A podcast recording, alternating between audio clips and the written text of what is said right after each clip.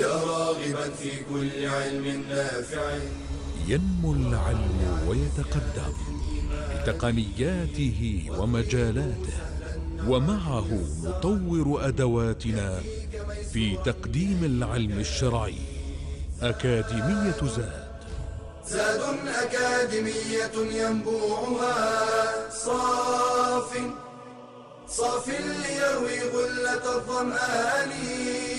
والسيرة العلياء عطرة الشدى. طيب يفوح لأهل كل زمان. بشرى لنا زاد أكاديمية للعلم كالأزهار في البستان.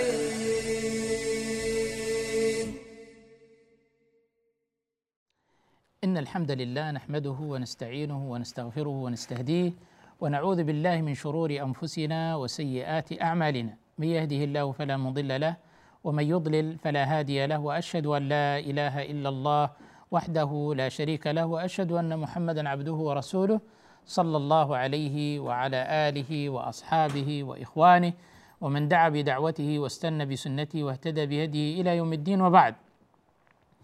حياكم الله إخواني وأخواتي من طلاب وطالبات العلم في برنامج أكاديمية زاد في هذه الدورة الثانية وهذا المستوى الرابع في دراسة السيرة النبوية على صاحبها أفضل الصلاة وأتم التسليم. ندرس في هذا المستوى الرابع شيئا من أحوال المصطفى عليه الصلاة والسلام. آه كنا تحدثنا في اللقاء السابق عن شيء من تعزيره وتأديبه عليه الصلاة والسلام لبعض الأشخاص في بعض الحالات وأن هذا التأديب لمصلحة راجحه وأن هذا التأديب بأسلوب مناسب وتتنوع هذه الأساليب وأن التأديب والتعزير وهذه إنزال بعض العقوبات هو أسلوب تربوي يستخدم عند الحاجة وبقدر محدد ولأشخاص معينين لظروف معينة في سياق معين بعد استكمال مراتب سابقة زي لما قلنا فعظوهن ما هو يبدأ مباشره بالتأديب والضرب؟ ليس صحيحا. سبقه أول قبل حتى الوعظ سبقه الإحسان. استوصوا بالنساء خيرا. مثلا الإحسان الجانب الإيجابي في التعامل.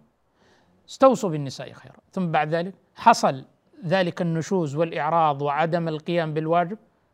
جاء الخطوة الثانية. عظوهن الموعظة ترقيق القلب تذكير بالله تخويف باليوم الآخر وعقوبات الله سبحانه وتعالى. طيب المرحلة الثالثة ما ف... المرحلة الثالثة يأتي موضوع الهجر. ويعني كأنه يعني نوع من التباعد بين النفوس والأجساد في لحظة معينة. وطبيعي الإنسان بعد فترة يشتاق إلى من يحب تهدأ النفوس. بعد ذلك تكون منزلة أخرى. قال فاضربون ثم العلماء وضعوا شرط وأعلاهم درجة العلماء الصحابة رضي الله تعالى عنهم وضعوا شروط لهذا الجانب. اذا التأديب هو أسلوب تربوي يصلح في مرحلة ما وبالتدريج وبكمية محددة معينة. يعني لا يجوز أن يضرب فوق يعني عشرة أصوات عشرة أصوات آه، إلا في حد من حدود الله. ما يجوز. حد من الحدود يضرب الإنسان. ثم هذا الضرب يكون غير مبرح ولا جارح ولا مدمي ولا يكسر عظما ولا بل ابن عباس كما ذكر كأن يضرب بعود الأراك السواك. إذا هو أسلوب تربوي يستخدم عند الحاجة إليه بعد استنفاذ الأساليب السابقة وعدم جدواها وكما ذكر أن طبائع النفوس مختلفة. فمن النفوس من لا يص... يعني يمكن أن يردعه إلا التأديب وإنزال العقوبة. وينبغي أن نشير مرة أخرى إلى أن الهدف من هذا التأديب هو تهذيب هذه النفس هو استصلاحها هو تقويم اعوجاجها وليس كسرها وليس تدمير هذه الشخصية وليس إذلالها وليس تحطيمها إنما الهدف هو استصلاحها وهذا واحد من الأساليب يستخدم وقت الحاجة بطريقة مناسبة. من المواقف التي يعني ذكرناها سابقا ما يتعلق بالصحابة رضي الله عنهم اللي شرب الخمر وكيف النبي صلى الله عليه وسلم أقام عليه الحد آه ضرب جلد ولما صار هناك نوع إضافي زيادة في الواجب تجاوز لما قالوا لعنه الله وأخزاه الله نهاهم النبي صلى الله عليه وسلم وقال لا تكونوا عونا للشيطان على أخيكم بل ينبغي أن نكون عونا له على الخروج من هذه الدائرة الضيقة إلى الدائرة الفسيحة الخيرة الطيبة وكذلك إثبات ما له والمحافظة على نفسيته، المحافظة على كرامته، المحافظة على ما له من الخير وتذكيره به يكون دافع له للتصحيح والعودة مرة أخرى وعدم الانغماس والانهماك في ما هو فيه نعاونه على أن يخرج من هذه الدائرة. من هذا النوع من التعزيرات ما جاء عن عبد الله بن عمر رضي الله عنه قال: رأى النبي صلى الله عليه وسلم علي ثوبين معصفرين أي أحمرين مصبوغين بالعصفر وهذا العصفر يعني أشبه نبات يعني يعطي اللون الأحمر فيصبغ الثوب فيكون أحمرا وقد ورد النهي عن لبس الأحمر الخالص قال رأى النبي صلى الله عليه وسلم علي ثوبين معصفرين فقال أأمك أمرتك بهذا؟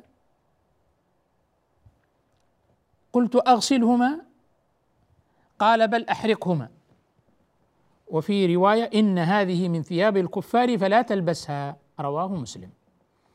إذا النبي صلى الله عليه وسلم كموجه ومربي ومعلم ومصلح ومرشد لاحظ على هذا الصحابي وإن كان يعني صغيرا في سنه عبد الله بن عمرو لاحظ عليه شيئا من الثياب هذه. طبعا كان مكلفا وقتها. لاحظ عليه هذه الثياب المعصفرة وقد ورد النهي عن لبس المعصفر للرجال. ورآه على ذلك الحال. هذا يعني التوجيه يحتاج إلى ملاحظة. فقال له زاجرا له ومؤدبا له أأمك أمرتك بهذا؟ أمك هي اللي قالت لك تلبس هذا الثوب؟ أعطتك هذا الثوب؟ ألبستك هذا الثوب؟ أذنت لك بلبس هذا الثوب؟ فكأنه رضي الله عنه أدرك هذا الخطأ والتجاوز. فقال أغسلهما يا رسول الله. قال بل أحرقهما. يعني نوع من الزجر والتأديب. منه عليه الصلاة والسلام في مثل هذا الموقف. إذا هو الشاهد أنه كيف كان يزجر وينهى عن بعض المقارفات وبعض الأخطاء وربما يش يعني يغلظ في بعض الأحوال ومع بعض الشخصيات آه، رضي الله عنها ربما لقوة إيمانها لكمال مراتبها. فقال إن هذه من ثياب الكفار فلا تلبسها. فأمروا من جانب العقوبة التعزيرية آه، أن يعني وأغلظ له في ذلك أن أن يحرقهما. إذا هذا زجر تأديب عقوبة. كما أمر ذلك الرجل الذي كان في إصبعه خاتم من ذهب قال نزعه من يده ثم رماه وقال يعمد أحدكم إلى جمرة من النار فيضعها في يده. فإذا كان يزجر أصحابه ويزجر من يعني يقع في بعض المخالفات تأديبا لهم وتعليما لهم وكان يهدف من ذلك كله صلى الله عليه وسلم أن يرقى بهم إلى مراتب الكمال. أن يطهر نفوسهم. هو الذي بعث في الأمين رسولا منهم يتلو عليهم آياته ويزكيهم. هذه هي التزكية تهذيب نفوسهم آه، إصلاح قلوبهم عقولهم سلوكياتهم إحسان تأديبهم أن يتأدبوا تكميل شخصياتهم الارتقاء بنفوسهم العلو بهممهم تقوية إرادتهم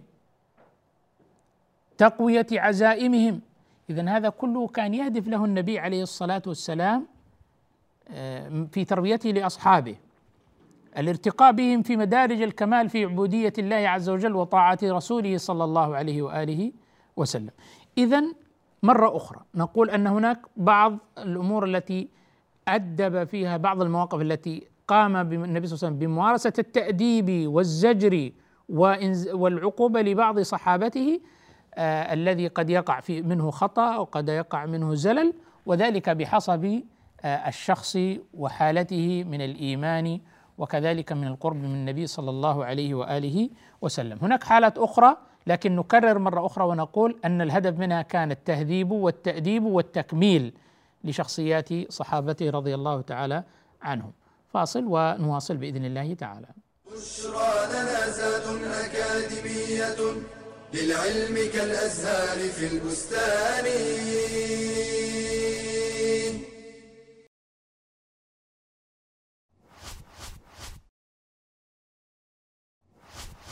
في خلوات الغرف أو في جنح الظلام يعمل بعض الناس المعاصي أو يدبرون المؤامرات وينسون أن الله مطلع عليهم فهو سبحانه المهيمن والمهيمن هو الرقيب الحافظ. بحفظه قامت السماوات والأرض. ولا يئوده حفظهما وهو العلي العظيم. وهو المطلع على خفايا الأمور وخبايا الصدور الذي أحاط بكل شيء علما والمهيمن هو الشهيد على عباده بأعمالهم. قال تعالى وما تكون في شان وما تتلو منه من قران ولا تعملون من عمل الا كنا عليكم شهودا اذ تفيضون فيه. والمهيمن سبحانه هو القائم على خلقه بأعمالهم وأرزاقهم وآجالهم وإنما قيامه عليهم باطلاعه واستيلائه وحفظه. فمن علم أن الله هو المهيمن فليراقبه في سره وعلانيته وليستحي من نظر الله إليه. قال رجل لوهيب بن الورد عظني. قال اتق أن يكون الله أهون الناظرين إليك. ومن أيقن أن الله هو المهيمن فليتوكل في كل أموره عليه وليفوض أمره إليه. فالمهيمن سبحانه نعم الحفيظ لعباده المؤمنين. قال تعالى الله لا إله إلا هو وعلى الله فليتوكل المؤمنون. بشرى لنا زاد أكاديمية للعلم كالأزهار في البستان. الحمد لله على إحسانه والشكر له تعالى على توفيقه وامتنانه وأشهد أن لا إله إلا الله وحده لا شريك له تعظيما لشانه وأشهد أن محمدا عبده ورسوله الداعي إلى رضوانه صلى الله عليه وعلى آله وأصحابه وإخوانه ومن دعا بدعوته واستنى بسنته واهتدى بهديه إلى يوم الدين وبعد آه لا زلنا نتحدث عن مواقف من أحواله صلى الله عليه وسلم في تأديبه لبعض أصحابه ولبعض من كان يجالسه صلى الله عليه وسلم تهذيبا لنفوسهم وترقية لأحوالهم وتكميلا لشخصياتهم. آه قبل أن يعني نضع كذلك أو نشير إلى موقف من المواقف والأحوال التي مارس فيها النبي صلى الله عليه وسلم هذا الجانب من التأديب والزجر آه نؤكد على أن حينما تغيب الأساليب التربوية كلها ومن ضمنها آه عملية التأديب للسلوكيات السلبية فإن الإنسان بعد أن يكبر لا زال يستصحب هذه السمات السيئة وهذه الخوارم التي تخرم وتنقص من تكميل شخصيته. وربما تحرمه من اعتياد عادة من عادات الخير أو عادة من عادات النجاح والفلاح في الدنيا والآخرة. عدم التأديب لبعض الشخصيات يجعلها تتجاوز وتستمر وتؤذي نفسها وتؤذي الآخرين. نعم يوجه يحفز يشجع يعلم يدل نأخذ بيده نتلطف به لكن في الأخير إذا لم يرتدع فإنه آخر الدواء الكي. فتقام عليه العقوبة والزجر والتأديب بدرجاتها وبحسب العمل وبحسب الشخص وبحسب الموقف. من ذلك المواقف التي حصلت أنه كان صلى الله عليه وسلم يعزر أحيانا بالهجر. الهجر. الهجر في أصله أنه لا يجوز. لا يحل لمؤمن يؤمن بالله واليوم الآخر أن يهجر أخاه فوق ثلاث. وهجر المؤمن سنة كسفك دمه. هجر المسلم لأخيه المسلم سنة كهجر كسفك دمه. كيف يقول أولئك الذين يقاطعون أهليهم وأرحامهم وأقاربهم بالسنوات العديدة؟ ما عذرهم أمام الله عز وجل؟ كيف سيلقون الله سبحانه وتعالى؟ كيف سيجيبون عن هذا؟ فالنبي صلى الله عليه وسلم كان يستخدم شيئا من ذلك كعقوبة لأن الهجر عقوبة يستخدمه في الأحوال المناسبة مع الشخصيات التي يمكن أن يناسب معهم هذا النوع من التأديب. فمن ذلك ما ذكرته أم سلمة رضي الله عنها أن النبي صلى الله عليه وسلم حلف لا يدخل على بعض أهله شهرا. رواه البخاري ومسلم. النبي عليه الصلاة والسلام تاديبا وزجرا لبعض أهله في بعض الروايات ازواجه بعض أزواجه وليس كلهن ما حصل منهن من أخذ وعطاء ورفع أصوات ومطالبة بأشياء كثيرة مثل النفقة وغيرها حصل ما يحصل في بيت كل إنسان. فحلف الا يدخل على بعض أهله شهرا. هذه عقوبة. تأديب. حتى يحصل الارتداع بمثل هذا ودخل في بعد مضي 29 فلما كلم في ذلك فقيل فقال صلى الله عليه وسلم إن الشهر يكون 29 ويكون 30 بأبي وأمي صلى الله عليه وسلم. فجاز أنه يكون هذا أسلوب من الأساليب لكن لذلك شروط. أول شيء أن يكون لهذا الشخص مكانة عند الشخص الذي يهجر. يعني أحيانا قد يكون إنسان ما يجدي معه الهجر لا قيمة له. ما هذا لا, لا, لا, لا ينبغي أن يهجر. يعني ما ثمرة ألا يكون تأثير لهذا الهجر إذا الوسيلة لم تكن فاعلة يعني ما يعني بعض الشباب يقول أنه حصل منه موقف فعرف والده بذا والده بهذا الأمر لم يسبه ولم يشتمه ولم يضربه ولم يعني يحرمه من شيء من حقوقه أو كذا. وإنما تغير عنه في موضوع التعامل وما كان بينهما فيقول ذلك الشاب والله لهجره لي يعني بالكلام وما كنت أجده منه لهو أشق على نفسي وأشد إيلاما من لو حرمني من شيء أحبه أو ضربني أو شتمني أو أو ما شئت من ذلك. إذا حينما يكون الشخص له أيادي بيضاء آه، له مكانة سامية في نفس الشخص الذي سيهجر. هنا يحصل الأثر لأنه يجب أن تكون الوسيلة نافعة وناجعة ليحقق الهدف المقصود. هي وسيلة لتهذيب النفس هي وسيلة لتعديل السلوك هي وسيلة لتكميل الشخصية. وإزالة ما فيها من الشوائب. وأيضا ألا يزاد عن ثلاثة أيام. إلا لحاجة كما حصل في هذا الموقف مع النبي صلى الله عليه وسلم. وأيضا يعني بعض الشخصيات آه، ما ينفع معه الهجر لأنه ربما لو هجر لازداد سوءا على سوء. هذا لا يهجر بل يصبر عليه ويتواصل معه وينوع له في الأساليب ويقترب منه ويتألف حتى يصلحه الله سبحانه وتعالى. لأنه ربما تتركه فيزيد سوءا على سوء وانحرافا على انحراف ويتلقف أهل الشر. مثل ما حصل مع الصحابي الجليل رضي الله تعالى عنه كعب بن مالك. لما وكان انسانا شاعرا لبيبا كريما آه، متحدثا أوتي جدلا لما تخلف مع من تخلف وأمر النبي صلى الله عليه وسلم بهجر الذين تخلفوا عن غزوة تبوك وهم هؤلاء الثلاثة كعب بن مالك وهلال بن أمية ومرارة بن ربيع بدريون منارات. لكن أراد الله سبحانه وتعالى لحكمة بالغة يريدها الله عز وجل. ف وتخلف كثير من المنافقون. من المنافقين تخلفوا عن هذه الغزوة التي سميت غزوة العسرة. لتعسرها أصلا في إعدادها وتجهيزها وأيضا لما كان فيها من العسرة والتعب والمشقة مسافة المس... بعد المسافة وشدة الحر ومقابلة يعني جيش عرمرم الروم. فكان ممن تخلف كعب بن مالك رضي الله تعالى.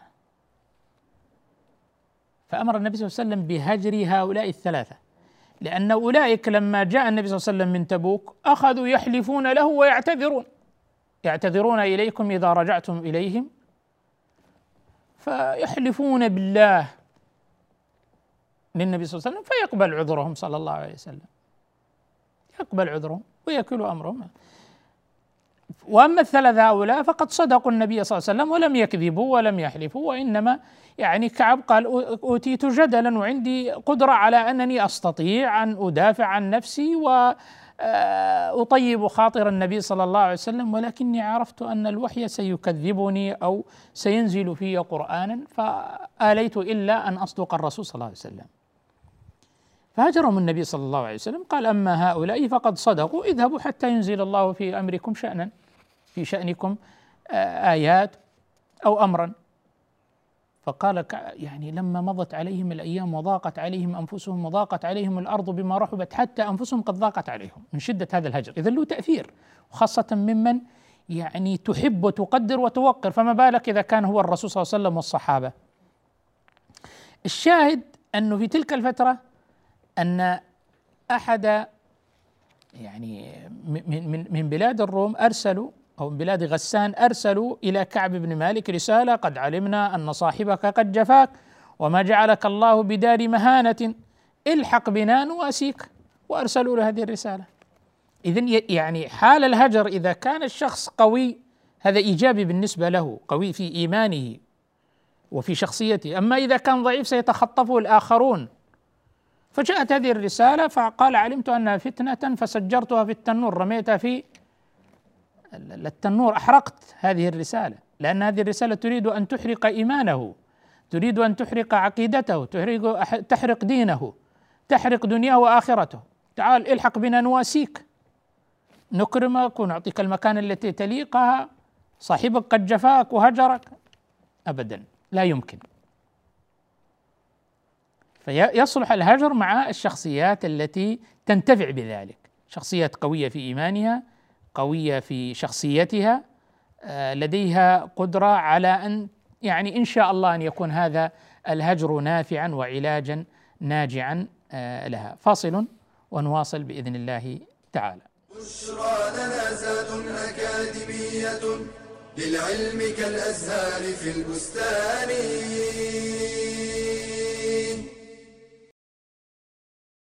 نعم الله علينا كثيرة جدا. لا نستطيع لها حصرا ولا نطيق لها شكرا إلا أن يوفقنا الله لذلك. قال تعالى وان تعدوا نعمه الله لا تحصوها ان الانسان لظلوم كفار. وان من النعم ما هو معتاد متكرر ومنه ما هو متجدد. فاذا تجددت للعبد نعمه أو اندفعت عنه نقمه فيستحب له أن يسجد لله شكرا. فقد كان النبي صلى الله عليه وسلم إذا جاءه أمر سرور أو بشر به خر ساجدا شاكرا لله. وسجد أبو بكر لما أتاه فتح اليمامة. وسجد علي بن أبي طالب عندما انتصر على الخوارج. وسجد كعب بن مالك لما جاءته البشرى بتوبة الله عليه. وليس له حكم الصلاة فلا يشترط له طهارة ولا غيرها من شروط الصلاة بل يسجد ويقوم بلا تكبير ولا تشهد ولا تسليم ويقول في سجود الشكر سبحان ربي الأعلى ثلاثا أو أكثر ويدعو بما شاء كما يفعل في سجود الصلاة فاحرص على شكر الله على نعمه وتعبد لله بذلك فإنما تحفظ النعمة بالشكر. قال تعالى وإذ تأذن ربكم لئن شكرتم لأزيدنكم ولئن كفرتم إن عذابي لشديد. بشرى أكاديمية للعلم كالأزهار في البستان. الحمد لله والصلاة والسلام على رسول الله وآله وصحبه ومن والاه وبعد. لا زلنا مع حاله صلى الله عليه وسلم في آه، تعزيره للشخص آه، المخطئ أو يحصل الذي من منه تجاوز فيعزره وهي العقوبة التي دون الحد. قد تكون لفظية قد تكون في عملية قد تكون هجرا كما حصل مع كعب ورفاقه. وذكرنا شروط الهجر. يعني ألا يزيد عن ثلاثة أيام ويزيد إذا كان يعني ممكن أن يحقق آه، ثمرة. وكذلك آه، أن يكون الشخص له مكانة وقيمة عند من يهجر. الثالث ألا يخاف على هذا الشخص الذي هجر من أن يتلقفه شياطين الإنس والجن فيفسدون عليه أخلاقه أو دينه. فهنا هناك ضوابط ضوابط لهذا الهجر. من ذلك يعني ما وقع منه صلى الله عليه وسلم أنه عزر بعض الصحابة بعدم رد السلام عليه. ومن ذلك عن عمار بن ياسر رضي الله عنهما قال قدمت على أهلي وقد تشققت يداي. صار هناك تشقق في يديه. من ماذا؟ من العمل. كانوا يخدمون أنفسهم ويقومون على شؤونهم ويعملون بأيديهم ويقاسون آه، يعني شظف العيش. قال قدمت على أهلي وقد تشققت يداي فخلقوني بزعفران. خلقوني أشبه بال يعني كما تقول بالحناء الذي يوضع في اليد. خلقوني أشبه بالخلوق اللي هو الطيب والطلاء واشبه بالمراهم وأشبه بالحناء. قال فخلقوني بزعفران. فغدوت على النبي صلى الله عليه وآله وسلم. ذهبت إليه في الغداة اللي في أول النهار. فسلمت عليه. ألقى عليه السلام. قال السلام عليك يا رسول الله ورحمة الله وبركاته. قال فلم يرد علي. وقال اذهب فاغسل هذا عنك. رواه أبو داود وحسنه الألباني. عزره نوع من العقوبه والتأديب من هذا الإمام الجليل العظيم بأبي وأمي صلى الله عليه وسلم. قال اذهب واغسل هذا عنك. هذا الخلوق الذي وضعته فيه لأنه ورد عن نهي الرجال عن الزعفران. قال نهى النبي صلى الله عليه وسلم أن يتزعفر الرجل. رواه البخاري ومسلم. ففي هذا أن التعزير بعدم رد السلام لمن ارتكب مخالفة شرعية تنبيها له على على خطئه وتأديبا له.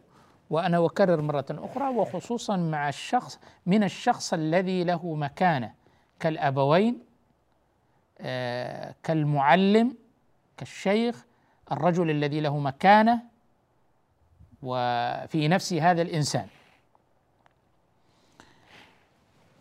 كمن يعني إذا دخل الشاب أو بلبس غير مناسب على والده أو كذا وقال السلام عليكم ورحمة الله فقل له ارجع البس لبس يليق بك كرجل وكمسلم ثم تعال. هذا نوع من التأديب والزجر والعقوبة والتعزير له. قد يستخدم هذا إذا كان هو هذا هو الأنسب له وإذا كان هو الأصلح. وذكرنا دائما العقوبات والتعزيرات والتأديبات يعني هي بالتدرج وبالأحوال وبالسياق ومن الشخص الذي يقوم بهذا والشخص الذي يوقع عليه هذا الأمر حتى تكون يعني عملية التأديب عملية آه، ناجحة وليست عملية آه، يعني منفرة. يعني لو قال الأب لابنه هذا سيبقى والده له مكانة في نفسه بخلاف ما لو فعل ذلك غيره. أيضا مما ورد عنه صلى الله عليه وسلم التعزير بالدعاء على أصحاب بعض المخالفات حينما يكابر حينما يعاند. من ذلك ما جاء عن سلم بن الأكوع رضي الله عنه أن رجلا أكل عند رسول الله صلى الله عليه وسلم بشماله. آه هذه العادة السيئة عند بعض الناس وهي الأكل بالشمال أو الشرب بالشمال. وقد ورد النهي عن أن يأكل الإنسان بشماله أو يشرب بشماله وأن ذلك من التشبه بالشيطان. ورد النهي في ذلك. فقال له النبي صلى الله عليه وسلم قل بيمينك. إذا هذا هذه الخطوة الأولى هذه المرحلة الأولى في تدرج البدء بالأنسب. فأمره أن يأكل باليمين. فقال الرجل لا أستطيع. يعني هو قالها يعني النبي صلى الله عليه وسلم آه، أعقل الناس وأكرم الناس وأوفر الناس حكمة عليه الصلاة والسلام ويعرف كيف تدار الأمور وكيف يوجه وطبائع النفوس فهو أعلم الناس بذلك.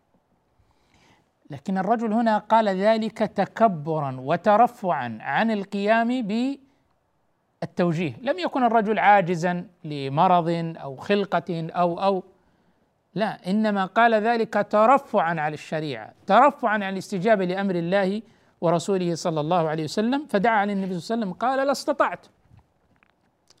فما رفع الرجل يده أي أن يده قد شلت شلت هذه اليد بسبب هذا الكبر على شريعة الله وعلى أوامر آه، رسول الله صلى الله عليه وآله وسلم.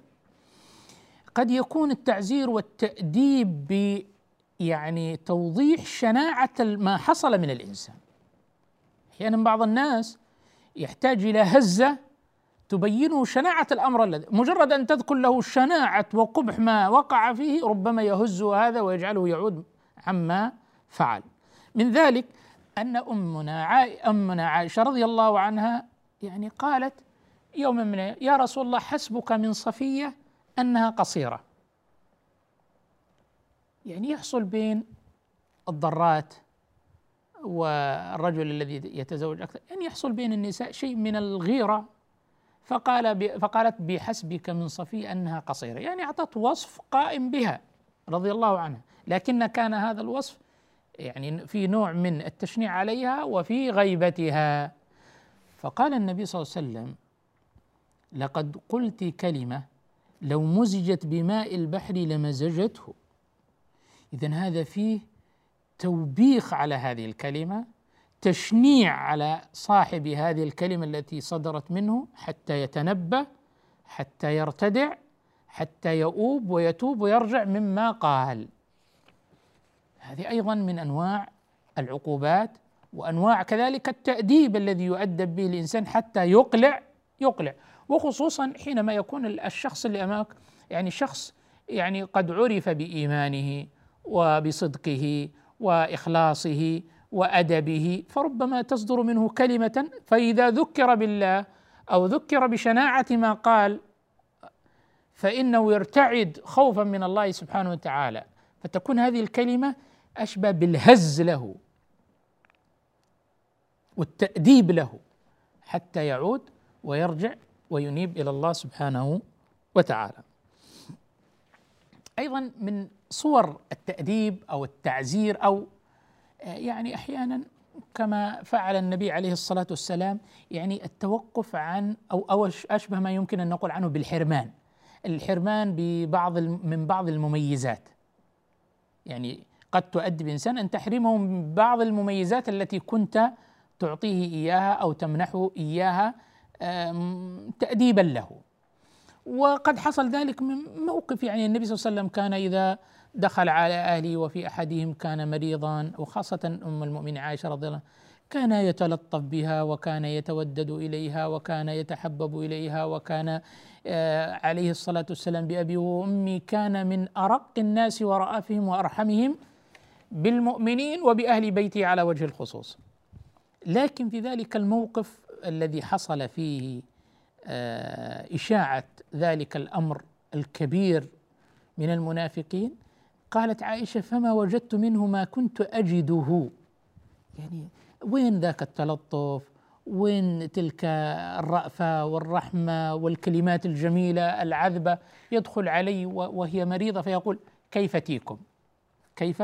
تأتيكم إذا من الصور التي يكون فيها نوع من آه، يعني أو إشعار الطرف الآخر بنوع من انزعاج من أمر ما هو الحرمان من بعض المميزات. هذه بعض بعض الملامح آه، من تأديبه وتأديبه وتعزيره وما آه، كان يتعامل به عليه الصلاة والسلام مع المخطئ. بأبي هو وأمي ولنا فيه قدوة حسنة صالحة صلى الله عليه وآله وسلم. نكرر أن هذه العقوبات وهذه التأديبات في درجات وتناسب أناس وفي سياق معين وبقدر معين حتى لا تخرج عن هدفها وغايتها وهو تهذيب هذه الشخصية تأديب هذه الشخصية تكميل هذه الشخصية الارتقاء بها. نسأل الله سبحانه وتعالى آه، أن يرزقنا محبته صلى الله عليه وسلم ومحبة أهل بيته وأزواجه عليه الصلاة والسلام. وآخر دعوانا أن الحمد لله رب العالمين.